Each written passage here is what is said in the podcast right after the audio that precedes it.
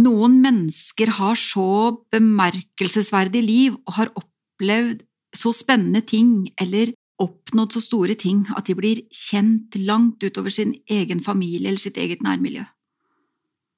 Og noen mennesker har gjort eller opplevd eller oppdaga noe som gjør så stort inntrykk at for eksempel en biografi kan bli veldig leseverdig, enten det er politikere eller oppdagelsesreisende eller kunstnere som har nådd langt med et eller annet.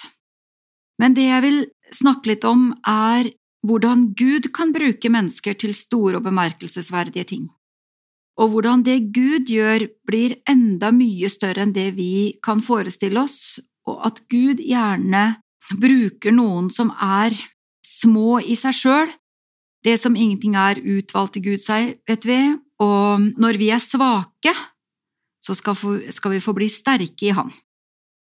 Jeg er veldig glad i å lese biografier og dokumentarer, og lese om hva Gud gjør gjennom mennesker.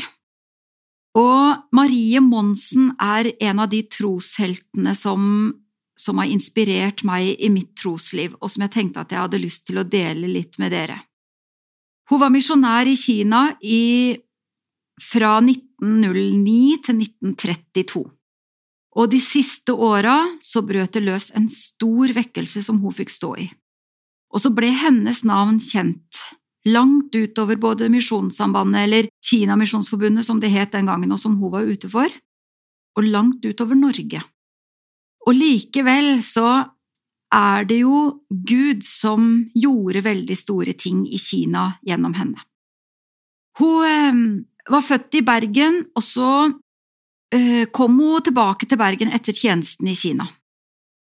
Og da begynte hun å kjenne på en indre trang til å skrive ned historien om livet i Kina, om vekkelsen og livet sitt med Gud, og likevel så nølte hun veldig med det.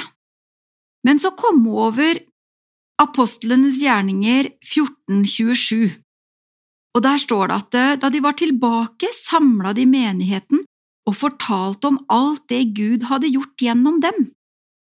Og det er jo nettopp for å vitne om hva Gud har gjort, og peke på Han og hvem Han er, og hva Han kan gjøre. Da fikk hun frimodighet til å skrive ned disse historiene. Sjøl har jeg mange ganger fortalt om ting Gud gjør i livet mitt.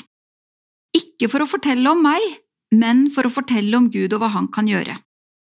Og Marie Monsen viste også til at det er jo ved å høre forkynnelsen at vi får troen. Troen kommer av forkynnelsen. Og forkynnelsen kommer av Kristi ord. Og vi kan kanskje føye til og det Gud gjør i livet våre. Vi skal lese i Bibelen, og vi skal lære historiene og sannheten derfra.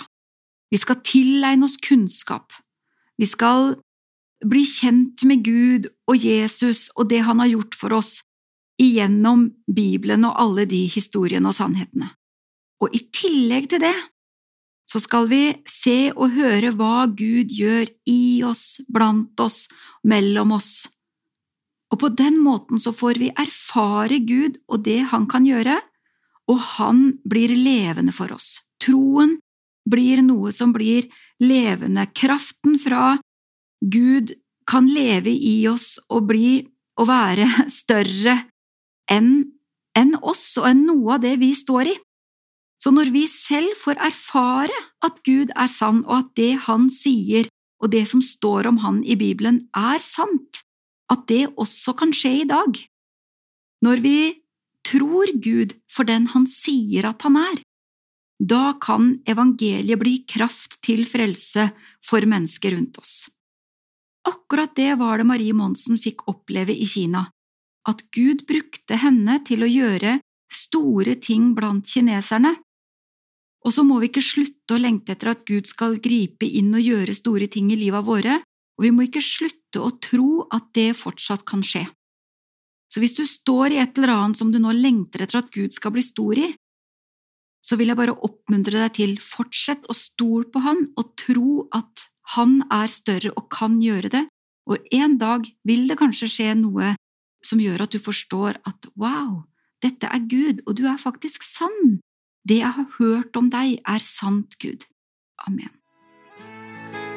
Tove Stang Karlsen delte Guds ord med oss denne gang i serien Over en åpen bibel.